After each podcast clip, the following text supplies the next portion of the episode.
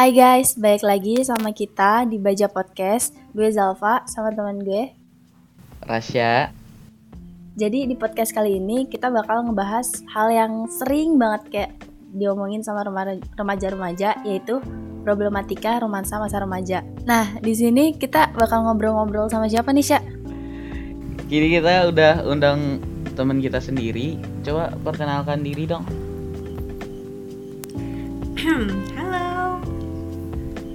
Siapa Eh, namanya? ya, hai teman-teman sekalian. Eh, jadi eh, nama gue Siti Arfatunisa. Eh, biasanya teman-teman manggil gue Siti, ada juga yang manggil gue Nisa. Ya, di sini gue diundang sama kedua orang ini untuk berbincang ceritanya. Iya. Bertukar pikiran ya. Karena guys, eh, Siti ini dia sering jadi tempat curhat ya, Sit. Dan saran-sarannya selalu membangun ya, Sid. Iya. Weh, membangun. Ya, nggak tahu ya. Gue sih biasa aja rasanya cuman ya kalau itu bisa ngebantu ya kenapa enggak gitu kan. Oke. Ya, jadi kita udah ngumpulin beberapa pertanyaan nih yang bakal kita tanyain ke lo. Yang pertama, menurut pandangan lo gimana sih? Seusia kita tuh penting nggak buat ngejalin hubungan sama lawan jenis? Ya penting dong. Kan di sini era era kita tuh banyak hal yang nggak bisa kalau nggak sama lawan jenis. Maksudnya bukan di sini tuh kayak masalah apa ya? Bukan bukan cuman masalah kayak suka-sukaan doang. Maksudnya kan menjalin hubungan kan bisa jadi sahabat atau temen Hmm. rekan kerja gitu kan malah kan ngebantu banget malah kadang pemikiran kita perempuan mungkin bisa dibantu sama pemikiran cowok yang lebih simple tapi efektif gitu. Misalnya kan kalau dalam lingkungan kerja gitu. Yang menurut aku sih oke-oke aja. Selagi kita emang dibawanya di sesuatu yang emang bener dan bermanfaat yang berguna gitu lah pastinya. Dan masalah pergaulan kan emang rame gitu kan jadinya. Kalau sama lawan jenis jadi sama-sama eh, tahu masalah tahu problem terus oh gini gitu kalau menurut pandangan orang itu gitu kan. Iya sih. Jadi pukul rata lah gitu cewek cowok gitu juga yang penting kita bisa rangkul jadi temennya gitu Nah, kalau misalnya kita punya hubungan kayak gitu, kan kita nggak bisa ngendalin perasaan kita nih. Pasti adalah sama satu orang kita punya rasa spesial gitu. Nah, menurut itu apa sih yang harus kita lakuin kalau kita punya perasaan kayak gitu? kok jadi kayak friendzone gitu ya jadinya jujur gue selama berteman sama cewek cowok apalagi cowok terutama eh, yang namanya friendzone itu kayaknya agak sering terlintas ya kayaknya. Iya. apalagi waktu zaman zaman kapan ya? SMP ya wajar sih namanya juga perasaan ya apalagi masih bocah yang namanya cinta monyet tuh ada lah. Hmm. atau kegeeran gitu kan bahasanya. Ya paling kalau untuk ngatasin kayak gitu ya kitanya aja yang tahu diri gitu. Kalau misalnya ini kita eh, apa mikirin dia atau kan misalnya maksudnya kayak berharap kayak ada rasa lebih gitu eh kalau dianya gitu nggak sih ke kita kayak gitu loh kayak aku sih lebih kayak sering udahlah dia baik ke aku baik ke gua ke semua orang juga kayak gitu gitu kan Iya. iya. jadi ya rasa GR-nya tuh coba ditipisin gitu kan sensitif banget emang kalau misalnya temenan sama lawan jenis kayak gitu tuh pasti ada jadi ya gue mah eh, supaya minim rasa GR tuh semoga nggak ada gitu Bahkan malah kalau bisa cuek aja gitu oh, temenan aja gitu biasa bahkan kan ada yang bilang tuh eh, di setiap hubungan antara cowok sama cewek tuh pasti ada aja yang nyimpen rasa gitu kan. Nggak mungkin. iya emang pasti Nggak mungkin kayak benar-benar pure teman gitu ya. Iya. Nggak mungkin Iya sih. Itu mah tergantung dari masing-masingnya apakah dia kuat nahannya atau misalnya dia ternyata ngungkapin ya itu masih Iya. endingnya teh gini apakah dia ngungkapin atau didiemin teh Kayak siapa tuh kalau ngunggap? Nah gini sih, kan kalau misalnya kita udah punya perasaan nih, kan kita pasti pengen dong kayak secara naluri pengen dapetin hatinya juga gitu. Nah menurut lo gimana sih caranya buat dapetin hati dia juga gitu? ya kalau masalah ngeluhin sih eh, gua rasa kayaknya agak kurang cocok sih di usia-usia kita gitu kan. Apalagi kita yang bahasanya masih terbilang di bawah umur lah atau enggak. Ya orang yang baru dapat KTP loh 17 tahun 18 tahun gitu kan. Ya secara maksud meluluhkan hati di sini tuh kalau gue sih mikirnya kan hubungan yang serius ya. Iya dan gue hubungan serius itu lebih ke hubungan apa udah rumah tangga gitu bahasanya. Nah kalau kalau menurut aku menurut, menurut gue sih ya eh, jadi maksud meluluhkan hati ini nanti gitu kan pas saat kita udah udah dewasa. Mm-mm. saat kita udah benar-benar siap gitu untuk melamar dia gitu bahasanya. Nah iya. kalau sekarang itu usaha kita apa sih buat eh, ngerencana dapetin dia gitu jadi kayak dimulainya itu bukan cara langsung ke orang yang kita, kita tuju gitu. Malah kita sendiri dulu yang kita usahain. Jadi yang kita usahain dulu yang kita usahain dulu itu diri kita sendiri gimana caranya bisa memperbaiki diri gimana caranya bisa menambah ilmu wawasan terus eh, apa menambah pokoknya hal-hal yang bisa membuat kita lebih baik gitu di mata orang yang kita anggap suka gitu kan. Nah jadi masalah dia luluh atau enggaknya ya itu sih bagian akhir gitu kan. Sekarang kita memperbaiki diri kita dulu. Toh orang yang terbaik buat kita itu belum tentu orang yang kita suka juga gitu kan sebenarnya. Iya. Jadi usaha usahanya itu untuk diri kita dulu perbaikin dulu. Nah mbak terus doa juga sih jangan lupa. Karena emang semua usaha mau itu jodoh mau itu pekerjaan mau itu sekolah atau apa pun kan pasti doa mah perlu kan. Doa boleh lah mungkin kalau misalnya anak bucin tiba-tiba doa "Eh, ya Allah semoga dia eh, apa suka juga sama aku semoga dia jodoh aku masa depan. Ya boleh itu ya. Boleh lah boleh lah. Tapi ya mungkin itu lama-lama mungkin bucinnya agak sedikit menipis kali ya. Eh, mungkin lama-lama jadinya minta ketenangan hati biar nggak terlalu terobsesi sama orang itu. Mungkin dengan begitu ya nanti di masa yang akan datang secara nggak langsung dia nggak terlalu mengharapkan untuk orang itu luluh atau enggaknya. Tapi setidaknya dia udah siap gitu. Kalau misalnya emang ternyata benar-benar pasangan sama dia kita nggak malu kalau tahu kita pasangan sama dia karena kita udah memperbaiki diri untuk menjadi orang yang paling pantas buat orang yang kita suka gitu. Yang kita merasa orang itu spesial. Makanya kita juga harus bisa jadi orang spesial buat dia. Caranya dengan memperbaiki diri sebaik mungkin. Gitu waduh mungkin ya. Kayak bijak sekali. berat banget bahasanya ya.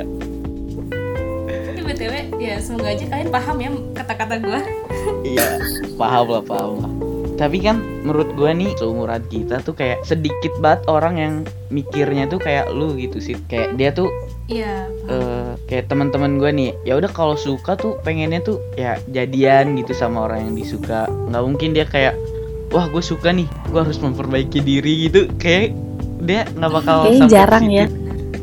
Iya sih itu nggak bakal sampai situ. nggak tiba-tiba emang bertahap sih. Sebenarnya lingkungan juga agak ngaruh ya.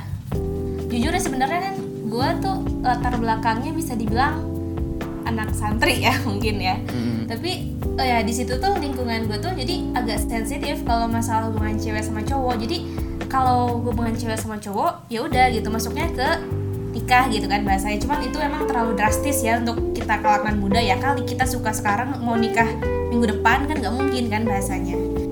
Ya itu sih balik lagi ke pemikirannya masing-masing ya. Kalau misalnya emang seandainya dia untuk selesai sekarang emang untuk caranya paca- pacaran gitu ya eh seandainya dia dan pasangannya itu bertahan sampai nikah misalnya terus niatnya emang pacaran untuk saling memperkenalkan diri ya semoga aja bener-bener dia jodohnya gitu. Ya kan takutnya kan namanya juga manusia kan ya kecewa pasti ada pastikan kalau misalnya ada suatu hal. Ya berarti misalnya ini udah pacaran bertahun-tahun tahu-taunya bukan jodoh misal ya. Ya kan takutnya sakit hati atau gimana. Atau misalnya apalah yang lebih baik cari aman aja gitu. Gue sih gitu mikirnya. Cuman kan beda-beda kan setiap orang. Lihat aja ujungnya dia baik atau misalnya malah melenceng gitu dari pacaran itu. Nah nih, kan kalau misalnya kita udah cari cara nih buat dapetin hati dia misalnya, terus misalnya nggak dapet, dia no, dianya nolak, terus dan segala macam lah faktor dari luar. Kita tuh jadi makin terpancing gitu. Jadi rasanya tuh kayak makin menggebu-gebu gitu. Menurut lo tuh gimana sih buat cara ngadepinnya biar kita tuh bisa ngendaliin diri kita sendiri gitu? Oh, berarti itu masuknya ke sesuatu hal yang kita terlalu terobsesi sama hal yang pengen kita dapatkan ya. iya Eh, menurut gue sih itu berarti dia hatinya lagi lagi nggak tenang ya karena problem dia itu yang dia inginin nggak dapat. Ya pandangan gue gitu kan. Apa eh, lebih khususnya itu pandangan gue dalam materi Islam gitu kan. Kayaknya apa ya rasa dia nggak tenang tuh ada hubungan juga sama hubungan dia ke Tuhannya gitu kan. Eh, Sebenarnya kalau dia sering dengar gitu kan dari orang-orang atau mungkin ke pengajian lah. Tapi mungkin ya mungkin lebih seringnya Islam orang Islam gitu. Biasanya kan zikir sholat gitu. Itu kan salah satu cara kan ya buat sedikit mengurangi beban hidup gitu bahasanya. Malah ya malah apa ya dalam urusan sholat wajib aja ya bahasanya yang lima waktu itu kan mau ada masalah nggak ada masalah mau seneng mau gundah gitu kan itu tuh wajib gitu dalam keadaan kita apa pun. Nah kalau seandainya kita lagi gak enak hati harusnya kita langsung tertuju sama Tuhan kita gitu kan. Sebenarnya gue nggak muluk-muluk orang itu harus jadi alim sih sebenarnya. Cuman simpelnya aja kalau misalnya dia terlalu terobsesi sama makhluk ciptaan Tuhannya terus dia kecewa nggak dapet kenapa dia harus ngeluh? Kayak ah gimana gitu? Ya kalau dia mau ngeluh oke. Tapi lebih baik ngeluhnya itu ke Tuhan gitu ke Allah gitu. Jadi kan ada tuh ya eh, apa kayak bahasa kalau misalnya kita mau sesuatu harus ngeluhin orang yang punyanya dulu. Misalnya eh, kita mau pulpen ini pulpen ini punya orang itu ya kita harus minta kita harus apa namanya kita harus pokoknya sebaik mungkin biar dia ngasih ke kita gitu, kan. Apalagi ini bahasanya itu eh, manusia gitu manusia ciptaan Tuhan gitu kan Tuhan yang punyanya gitu. Sebenarnya ya rasa yang dia dapat dari kecewa karena nggak dapat hati seseorang itu sebenarnya itu teguran ya bahwa Tuhannya itu Allah itu lagi cemburu sebenarnya sama dia. Dan cemburunya Allah itu kasih dia rasa kecewa gitu kan. Nah dari rasa kecewa ini harusnya dia tuh jadinya coba untuk kembali lagi sama Tuhannya. Dan kalau misalnya dia udah apa mungkin ber- berbaik hati sama Tuhannya gitu sering ibadah doanya minta gitu kan dan usahanya gak terlalu gimana gitu ya yang tadi pembahasan sebelumnya. Dan mungkin suatu saat dikasih jalan jalannya itu bisa jadi jadi luluh setika atau mungkin dengan jalan yang berbeda. Jalannya itu dikasih kepahaman dikasih ketenangan yang seketika kita lupa gitu sama hal yang membuat kita membuat kita terobsesi.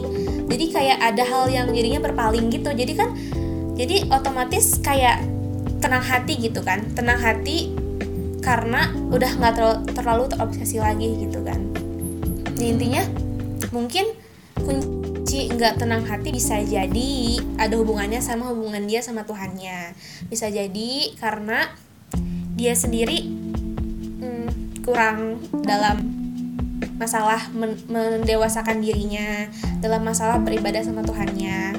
Iya. ya dan kayaknya orang yang kayak gitu tuh butuh banget namanya sharing-sharing ya untuk nyer- nyeritain masalah dia gitu. Di sedikit demi sedikit dipahamin situasi dia gitu. Ya mungkin sekilas kayak gitu bisa jadi. Gue mau nanya nih ke Siti. Lu lu pernah berada dalam fase friend zone gak sih? Ya elah itu mah nggak usah ditanya kali. Ya pernah lah. Oh itu ya secara apa? lu yang suka atau gimana? Tahu laki-lakinya yang suka ah gitu perasaan apalagi diri sendiri itu kadang nggak tahu perasaannya gimana gitu kan. Hmm. sebenarnya sih tipe gue tuh tipe yang kayak udah dibanti-banti di awal gitu. Kayak misalnya nih gue deket sama cowok. Nah gue tuh udah udah wanti-wanti kayak misalnya dia baik sama gue perhatian sama gue gitu. Oke oke. Biasa aja. Jangan jadi berlebihan. Udah itu mungkin kebiasaan dia kayak gitu. Emang semua orang kayak gitu gitu. Dia baik baik semua orang. Jadi kayak udah ngejas ke hati gue buat woi biasa aja woi gitu. Hmm. Eh, jangan ke geeran lo gitu kan kayak gitu. Jadi kadang gue mikir ih kayaknya gue suka gitu kan. Terus langsung kayak direm eh, apaan sih? Orang biasa aja gitu kan. Jadi kayak gue sendiri itu ngerasain friendzone deket. Bahkan mungkin kata orang itu mungkin gue deket sama tuh orang gitu kan. Tapi kadang gue jadi bingung sendiri sebenarnya gue suka nggak sih? Jadi kalau untuk bisa ngejawab gue suka sama nggak sama orang tuh kayaknya bisa dibilang susah dijawabnya mungkin bisa dengan tegas aku bilang nggak suka tapi bisa jadi di hati aku aku kagum sama itu orang. Kalau itu orangnya sendiri nggak tahu ya aku gimana dan karena kita nggak pernah jujur-jujuran suka-suka apa enggak gitu. Nggak tahu ya.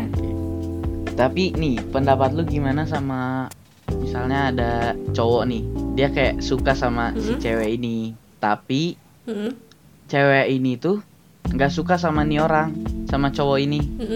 Menurut lu si Terus? cewek ini tuh harus ngapain sih biar cowok ini ngerti gitu bahwa si cewek ini tuh cuman nganggap dia temen gitu doang gitu. kasus siapa ya ya Ada lah temen. ya itu udah, udah jelas ya poin pertama saling menjelaskan gitu kan maksud hatinya cowok itu gimana ke si cewek terus si cewek itu kebalasnya gimana gitu ya yang paling bikin fatal itu yang namanya salah paham gitu kan. Ya berarti harus diomongin dulu sama kepala dingin. Harus dua-duanya paham gitu. Tapi kalau misalnya udah udah kayak apa ya si cowoknya tuh kayak udah kepala batu lah bahasanya gitu. Udah dibaik-baikin dijelasin tapi tetap kayak apa tetap menuangkan rasa sukanya gitu tetap menunjukkan gitu kan. Kan jadi kesel juga ya pasti kayak ini orang gini amat gitu kan. Iya. ya gue sih bingung ya karena berarti kita harus apa ya harus langsung ke akarnya gitu harus langsung ke titiknya. Berarti harus kayak setiap hari bukan setiap hari juga sih setidaknya agak sering gitu Eh, apa namanya ngedengerin eh, keluh kesah dia atau enggak misalnya problem dia di bidang ini gitu. Jadi kayak harus ada orang yang nyikapin itu harus ada orang yang sering untuk ngasih taunya itu. Jadi kayak kayak batu dikasih air sedikit-sedikit kan lama-lama kan jadi mengikis kan. Ya mungkin kepala batunya bisa sedikit terkikis bisa di- sedikit jadi agak nggak terlalu keras kepala banget dengan sedikit nasihat nasihat nasihat nasihat nasihat dan nasihat mungkin. Itu sih kalau menurut gue ya buat yang ceweknya mohon bersabar ini ujian guys dan yang pasti yang ngasih dia nasihat tuh bukan cewek yang dia suka itu kan? Ya mungkin pertama-pertama cewek yang suka wajar dong orang dia objeknya gitu kan. Nah tapi kan ya kalau misalnya kayak gitu kalau kenapa? nanti dia makin ngerasa kalau dia tuh dikasih jalan gitu sama ceweknya. Iya, dia makin ngerasa wah direspon gitu. direspon terus nih. Soalnya menurut pengalaman gue nih ya kalau cewek ngerespon tuh gue malah mikirnya dikasih kesempatan. Iya gitu oh iya paham paham, paham. Ya, ceweknya ngeresponnya di sini tuh ngerespon tegas gitu loh. Dan ya oke mungkin seandainya itu tuh nggak jadi nggak jadi apa sesuatu yang bisa buat dia ngejauh ya. Mungkin emang susah misalnya seandainya dari situ. Ya berarti ya butuh orang. Sebenarnya emang kalau kayak gitu tuh harusnya tuh dari dalam dirinya sih emang agak susah Iya. sih kalau misalnya dari dalamnya iya. belum ini emang itu mah harus sering banyak diajak gitu sama orang. Min apa awal awalnya kayak diajak ke mana misalnya ngenenangin hati ke mana atau nggak di disibukin sama kegiatan sama teman-temannya misalnya jalan-jalan holiday day ke mana gitu kayak eh, apalagi kalau dia lagi terbahan apalagi sekarang zaman zamannya apa nggak boleh keluar rumah gitu kan kan lebih sering mikirin sesuatu kan apalagi yang berhubungan sama lawan jenis lah bahasanya gitu. Susah sih emang kalau kayak gitu iya karena karena kan perasaan tuh nggak bisa diatur kan kayak tadi yang dibilang malah tuh iya kata gue lu nggak bakal bisa ngerubah itu cowok gitu jadi kata gue tuh emang dari si ceweknya aja yang harus bertindak gitu kan iya nggak sih Mm-mm. ya kayak dia Iya. ya udahlah nggak usah tapi kan ngerespon kasihan lagi juga boy si ceweknya kalau bertindak terus tapi nggak digubris gitu bahasanya gitu ya kan. maksud gua ya udah lalu nggak usah kayak namanya ngerespon lagi si cowok itu karena kasihan juga kan si Iya. cowoknya ya gitulah ngerti Iya sih paham, paham, paham. Tapi masih ingat kan yang pembahasan awal itu mah balik lagi ke hati dia, dia lagi nggak tenang, berarti harus ke masalah peribadahannya sama Tuhannya gitu. iya sih juga nih eh, mau nanya kalau misalnya misalkan dia udah nunjukin perasaannya nih terus misalnya diterima nih sama nih cewek karena udah ngerasa usahanya udah keras banget gitu. Tapi kan sebenarnya pacaran tuh emang ujung-ujungnya buat patah hati kan. Ada yang bilang putus entah itu buat menikah entah itu buat berpisah kan kata Iya, Pidi Baik. Dilan yang bilang itu. Jadi menurut lo gimana sih kalau misalnya kita tuh udah terlanjur masuk ke dalam satu hubungan gitu tapi di tengah-tengah kita tuh ngerasa kayak kayaknya ini salah deh harusnya tuh nggak kayak gini gitu. Dia apa yang harus kita lakuin? Gitu ya. Gue tuh karena belum pernah berpengalaman dengan hubungan serius dengan lawan jenis, jadi agak bingung ya. Ini mah sesuai dengan pemikiran gue aja ya. Ya lagi-lagi yang paling utama itu adalah komunikasi gitu kan. Ya jangan sampai jadinya salah paham. Jadinya miskomunikasi teh gitu kan. Hmm. ya tetap yang utama tuh kalau ada masalah ya sama-sama dijelasin dengan kepala dingin dan pastinya jangan ada kebohongan soalnya itu tuh kalau kebohongan tuh yang makin bikin salah paham pastinya kan. Intinya komunikasi gitu yang jelas.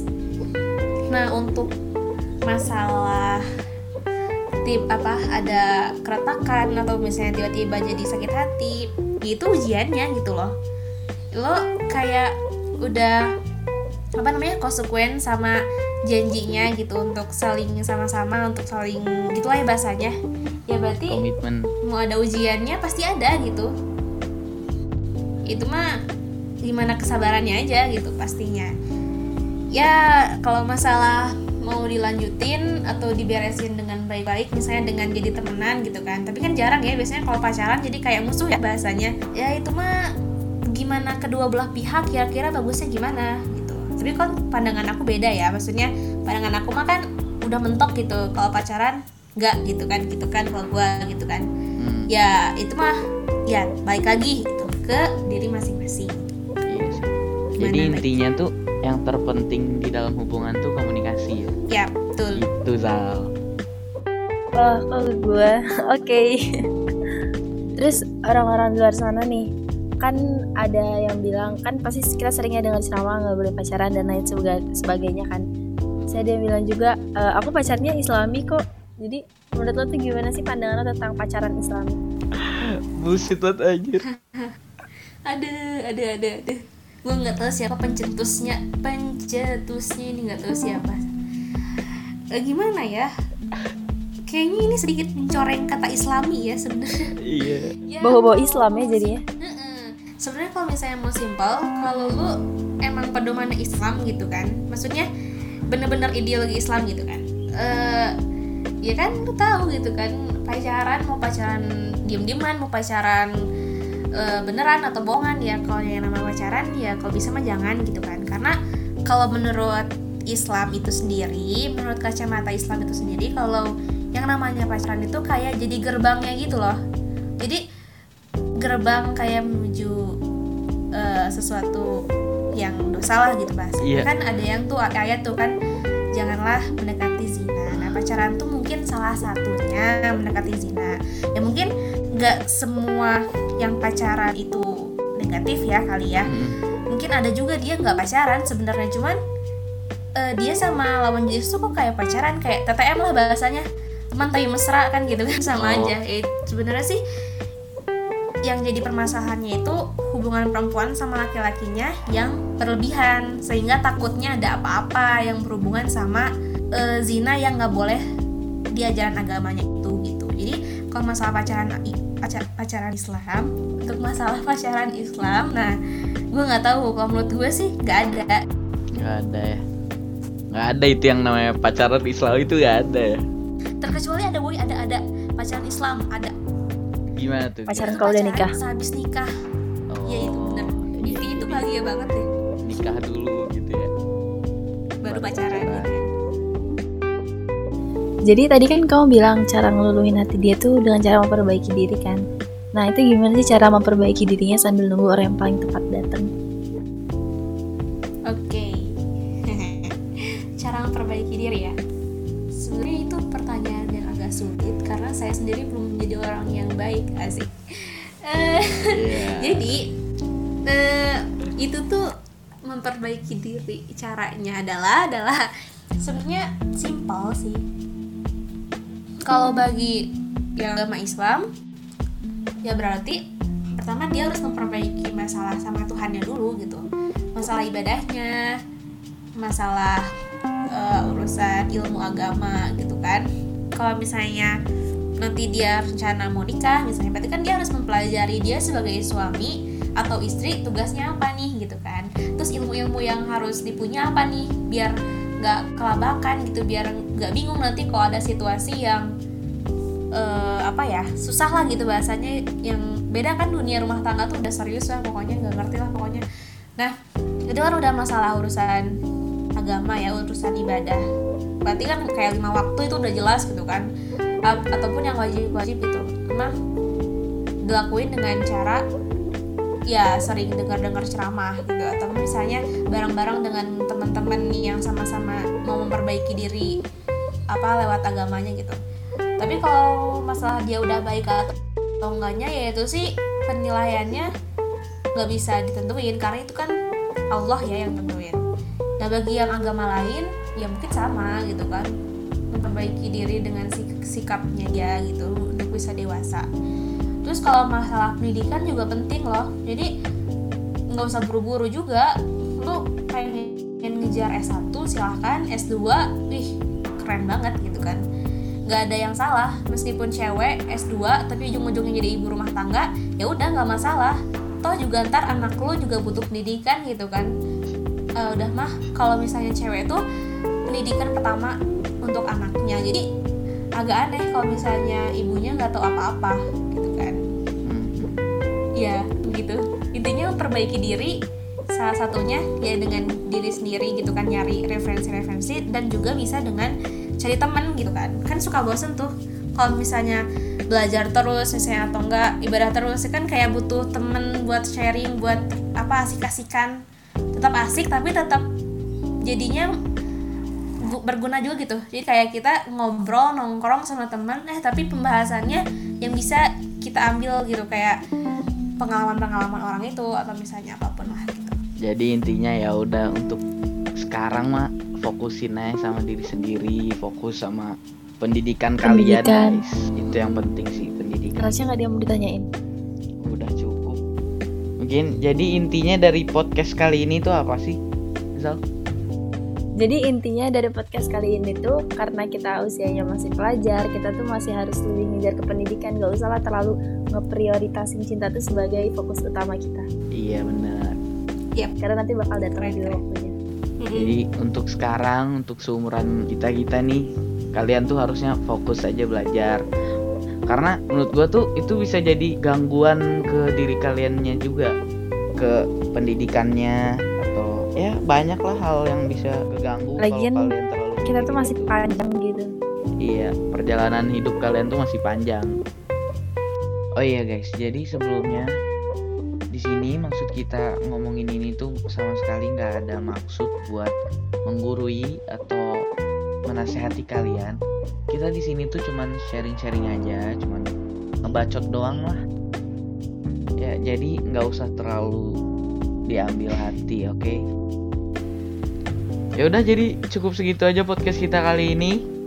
Udah, Makasih Zal. buat yang udah dengerin.